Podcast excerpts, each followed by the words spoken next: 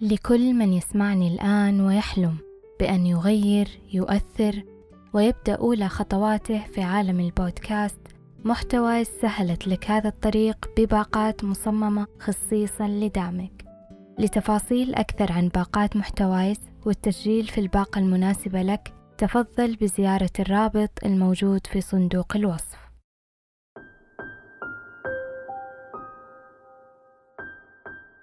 أهلا. أنا مشاعل وهذا بودكاست إبصار. كلنا كبشر نسعى للشعور بالحب والانتماء. نرغب في تلقي الحب ونرغب أيضا في أن نمنح هذا الحب للآخرين.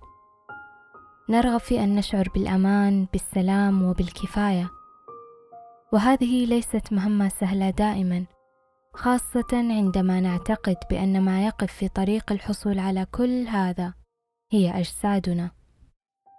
فكم هي المرات التي ترددنا فيها عن البوح بمشاعرنا فقط لأننا نعتقد بأننا غير جميلين كفاية أو قبلنا بعلاقة سامة لأننا نعتقد بأن هذا هو ما نستحقه. كم هي التجمعات واللقاءات التي تجنبنا حضورها لأننا لم نجد في خزانتنا ما يخفي كل تلك العيوب التي نراها فينا. كم هي التجارب التي أجلناها وكم هي المشاعر التي لم نسمح لأنفسنا الشعور بها؟ كم هي الصراعات التي علينا أن نخوضها حتى نصل إلى ذلك الجسد المثالي؟ لأنه عند الوصول للجسد المثالي وعند الوصول فقط ستبدو الحياة أجمل أحلى وأجدر بالعيش. أليس كذلك؟ أتوقع بدأت علاقتي مع جسمي لما بدأت أكبر وبدأ يتغير جسمي من إنه أنا كنت نحيفة مرة بدأ جسمي يمتلي شوية. بدأت أحس مرة بتأنيب الضمير بدأ اللي حولاني يقولوا لي انتبه على نفسك بدأتي تزيدي بدأتي تلبسي بلايز واسعة. ومن وقت ما دخلت الجامعة بدأت رحلة diet يعني back and forth بشكل مو طبيعي. وأنا صغيرة وأنا جسمي آه، مليان. آه، طبعا ده عمل لي عدم ثقة بالنفس خلاني دايما مش واثقة بنفسي بسبب آه، آراء الآخرين حواليا وحاجات كتير. وصلت لمرحلة كنت من كتر ما إني متضايقة ومتفشلة من جسمي إنه أنا ممكن أكون آكل. بعدين لو مثلا دخل أحد من أهلي أخبي الأكل عشان ما يجي إحساس إنه كأنه أنا بسبب إني أنا قاعدة آكل إنه زي اللي أنا مرة بآكل كتير فعشان كده أنا قاعد جسمي يزيد. وبرغم إن جسمي كان كويس وشكله كويس مش مليان لل... يعني مش مليان over ولكن كنت برضو بلاقي تعليقات سلبية وعدم ثقتي بنفسي وكل حاجة خلتني أضطر إن أنا أستفرغ الأكل علشان أقدر إن أنا جسمي ما يتخنش. برغم إن أنا أكلي كان في الوقت دوت صحي أه باكل أكل صحي وما باكلش أي أكل junk food أو الحاجات دي. وخايفة إن أنا أتخن تاني فمستمرة في إن أنا أفضل أعمل كده. علشان خاطر شايفة إن لسه لأ لسه شوية لأ لسه كام كيلو تاني. سويت رجيم كذا كان قاسي ونحفت مرة. تقريبا كويس. لكن في داخلي آه إنه لا في أحسن لك في أحسن لك. إنه في داخلي أبى أوصل لمرحلة إني أكون جلد على عظم. للحين أعيش صراع إنه مرات أنحف مرات أمتن آه مرات جسمي ما يعجبني مرات أسمع كلمة من هنا ولا من هنا تخليني أقول إنه طيب ليش ليش أنا جسمي كذا؟ ليش جسمي غير عن إخواتي؟ آه ليش يعني في ناس قاعدين ياكلوا إنه ما ما يوصل للمرحلة اللي أنا بوصل لها. شعرت لفترة طويلة بأنني لست جميلة ومن المستحيل بأنني سأكون جميلة يوما ما. وكنت دائما ما أقارن نفسي بكل بنت من عمري في مراهقتي وفي الثانوية العامة بالبنات الضعيفات جدا وأراهن أنهن يمثلن الجمال الحقيقي.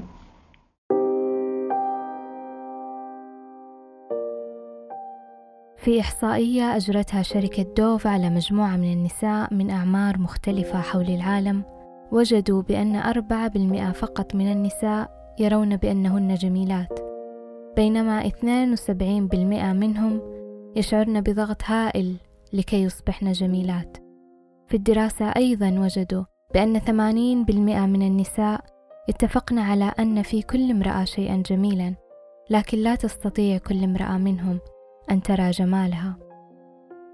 وفي الواقع معظم مشاكلنا لا علاقة لها بشكل أجسادنا الفعلي بل بما نشعر ونفكر فيه تجاه أجسادنا. تكمن المشكلة في معتقداتنا وأفكارنا عن الجمال والصحة عن كيف يجب أن يكون جمال الأنثى وكيف يجب أن تكون قوة الرجل هذه الأفكار والمشاعر هي ما تدفعنا نحو أفعال أو أنماط معينة مثل اتباع حمية غذائية قاسية إجراء عمليات تجميلية أو تدفعنا إلى اضطرابات الأكل والإدمان فأجسادنا وصحتنا جيدة فقط بجودة أفكارنا ومعتقداتنا عنها.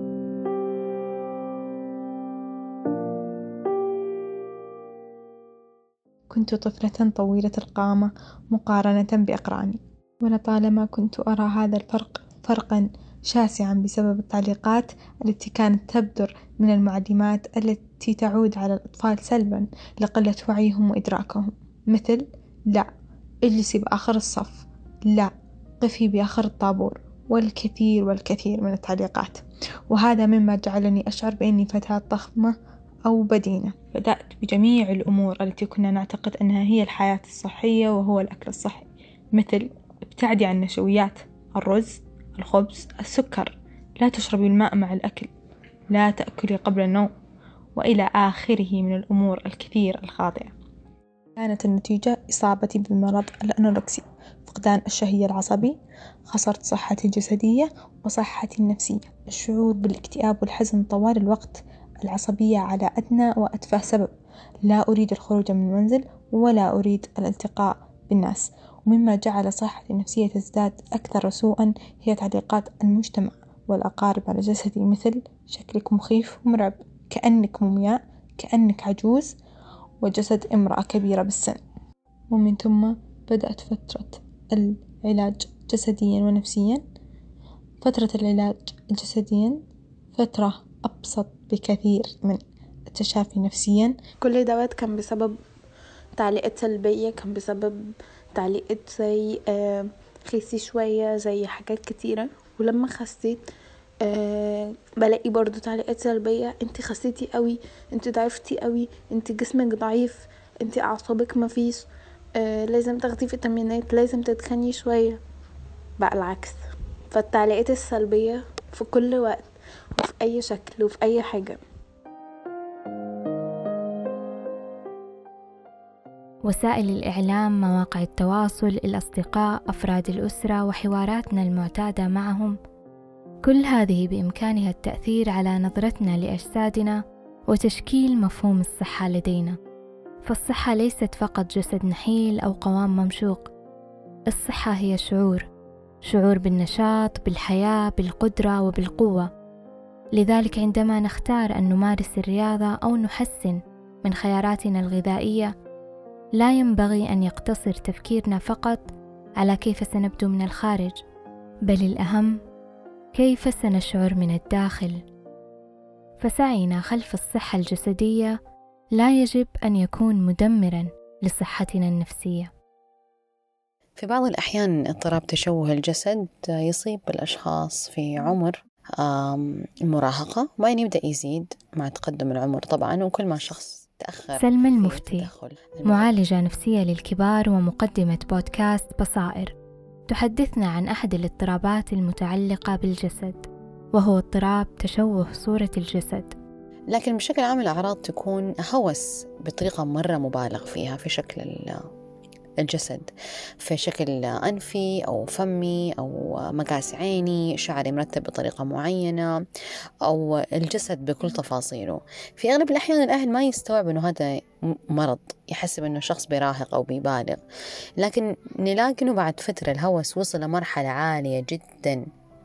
من الإشكالية لدرجة إنه في بعض الأشخاص ممكن ياخد ثلاثة ساعات عشان قبل ما يطلع من البيت عشان يتأكد إنه شكله كويس. فمثلا أنا كان عندي عميلة تحط كثير powder في وجهها أو concealer عشان تخفف آه، الحبوب. بس أنت لو طلعت في الحقيقة ما حتلاقي مرة حبوب واضحة أو قد تكون في مرة حبوب.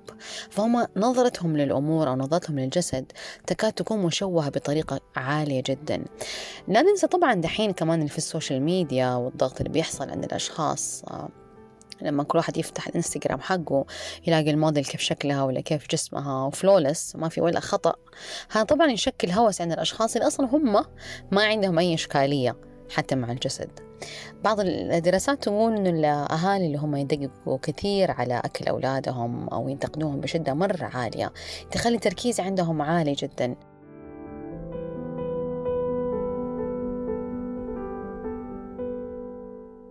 علاج تشوه الجسد في كذا نوع.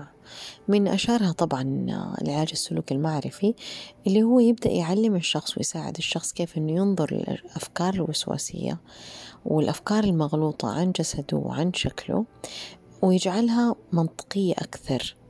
فيبدأ الشخص يتعلم كيف يصنف هذه الأفكار كيف يواجهها كيف ما ينصاع لأنه يهرب من شكله أو أنه هو يسوي سلوكيات نسميها اللي هي السلوكيات المتكررة عشان أخفي عيوبي ولا ما أشوف جسدي. زي أنه ما طلع المراية مرة كثير. نجبر الشخص أنه هو عنده بس وقت محدد يطالع المراية بعدين كده ما يطالع. كثير في سلوكيات ممكن الشخص يسويها تخفف من نظرته السلبية على جسده. كل ما إحنا قدرنا نتجاوز هذه الأفكار ونتجاهلها معناته إحنا بنوصل لمرحلة أفضل وأحسن في التقبل. التقبل لا مشروط هو أكثر شيء مهم في العلاج النفسي. يعني أبدأ أنظر لنفسي أو جسدي بصورة ما فيها مبالغة. طالما وصلت لهذه المرحلة اللي ما فيها مبالغة معناته أنا أوصل لمرحلة الرضا مع هذا الجسد.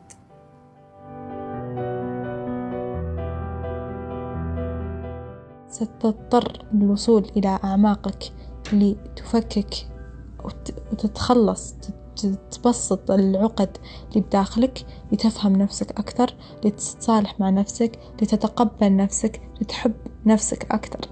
سيتطلب منك وقت وجهد كثير. نحن لا يمكننا القفز من الرفض عدم الرضا والشعور بعدم الكفاية إلى حب الذات. فحب الذات لا يفرض بل يبنى تدريجيا. يبنى من خلال قرارات صغيرة كل يوم. حب الذات رحلة.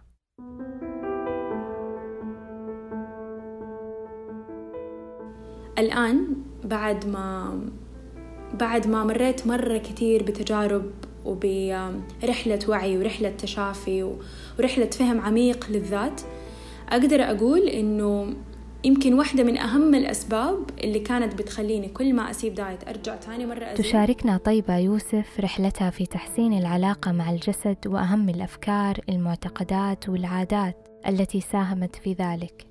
نيتي من وراء ال diet إيش تكون؟ فنيتي تكون إنه أنا أبغى أخسر وزن نيتي تكون إنه أنا ما أبغى جسمي يكون مليان نيتي تكون إنه أنا أو هدفي.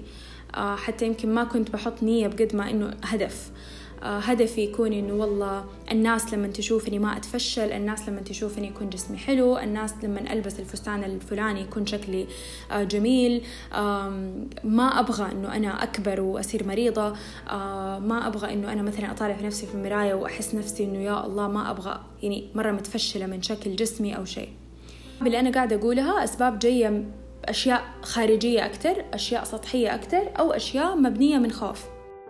مرة كنت سعيدة لما السنة الماضية في رمضان كان عندي سيشن مع كوتش قاعد يقول لي إنه ليش أنت تبي تعملي رياضة أعطيته أسباب مرة كتير بس كان ولأول مرة يطلع عندي سبب إنه عشان أنا أحب جسمي عشان أنا أبغى أشوف جسمي يكون أحسن.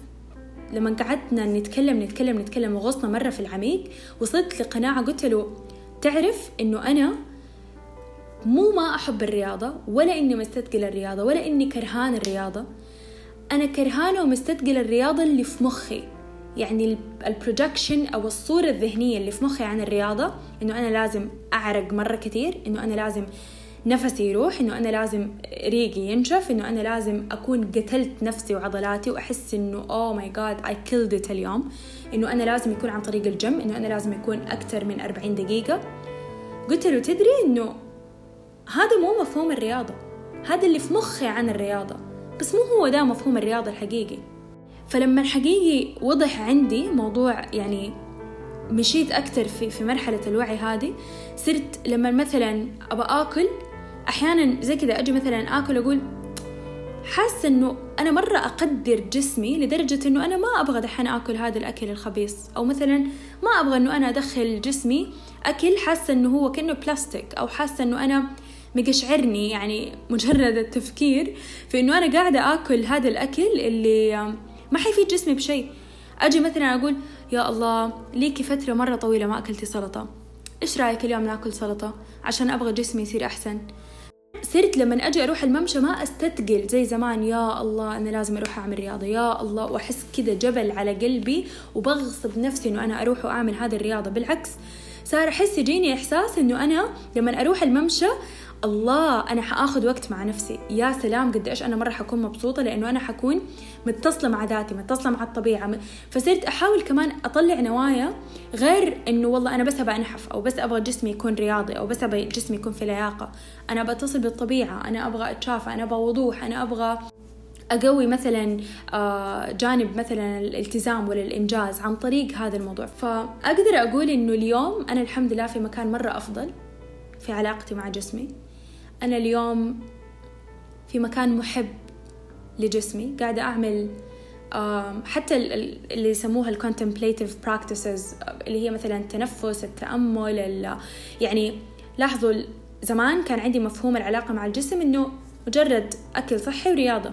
بس الآن أنا قادرة أشوف إنه علاقتي مع جسمي هي أكل صحي هي رياضة هي تنفس واعي هي تنفس عميق هي تأمل هي صلاة صحيحة هي stretching إذا في يوم أنا مالي نفس أعمل رياضة أو إذا إذا مثلا فجأة حسيت إنه أنا لي أسبوع ما رحت جيم ولا رحت مش ممشى ولا كذا أقدر أعمل stretching في البيت لمدة just 10 minutes. هي نوم صحي هي نوايا قبل النوم عشان من جد أنام بعمق وأنام ب, ب يعني بجودة نوم عالية. فسبحان الله لما النية تغيرت وال perspective تغير وجهة النظر تغيرت حتى طريقة استمتاعي أو طريقة عيشي للتمرين أو للتنفس أو للتأمل أو للأكل تماما تغيرت كمان.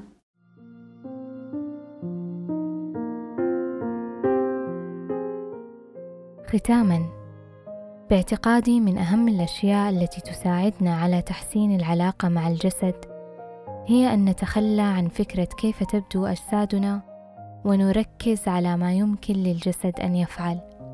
لنركز على كل التجارب التي عشناها من خلال الجسد والتجارب التي لم نعشها بعد. لنركز على كل مكان جميل ساقتنا إليه قدمينا كل منظر خلاب شاهدناه بأعيننا وكل الأصوات الفريدة التي استمعنا إليها بأذاننا. أجسادنا هي أعمق بكثير من صورنا الخارجية. فمن خلال الجسد نعبر عن الحب ومن خلال الجسد نعبر عن الفرح ومن خلال الجسد نعبر عن الألم ومن خلال الجسد نخوض الحياة. لازلت لازلت أعمل يوميا وأقنع نفسي يوميا بأنني مختلفة وبأنني جميلة وبأنني حتما لا أحتاج إلى قالب. يخبرني كيف يجب أن أكون حتى أصبح موافقة أو تنطبق علي كل المعايير المطلوبة؟ هذه أنا وهذا يكفيني. إذا نالت هذه الحلقة على إعجابكم لا تنسوا تقييم الحلقة ومشاركتها مع أصدقائكم. تجدون ملخص لهذه الحلقة مع أهم الممارسات التي تساعدنا على تحسين علاقتنا بأجسادنا في صندوق الوصف. هذه الحلقة هي الأولى من سلسلة من الحلقات والتي سنتحدث فيها عن جوانب مختلفة تتعلق بالجسد والصحة.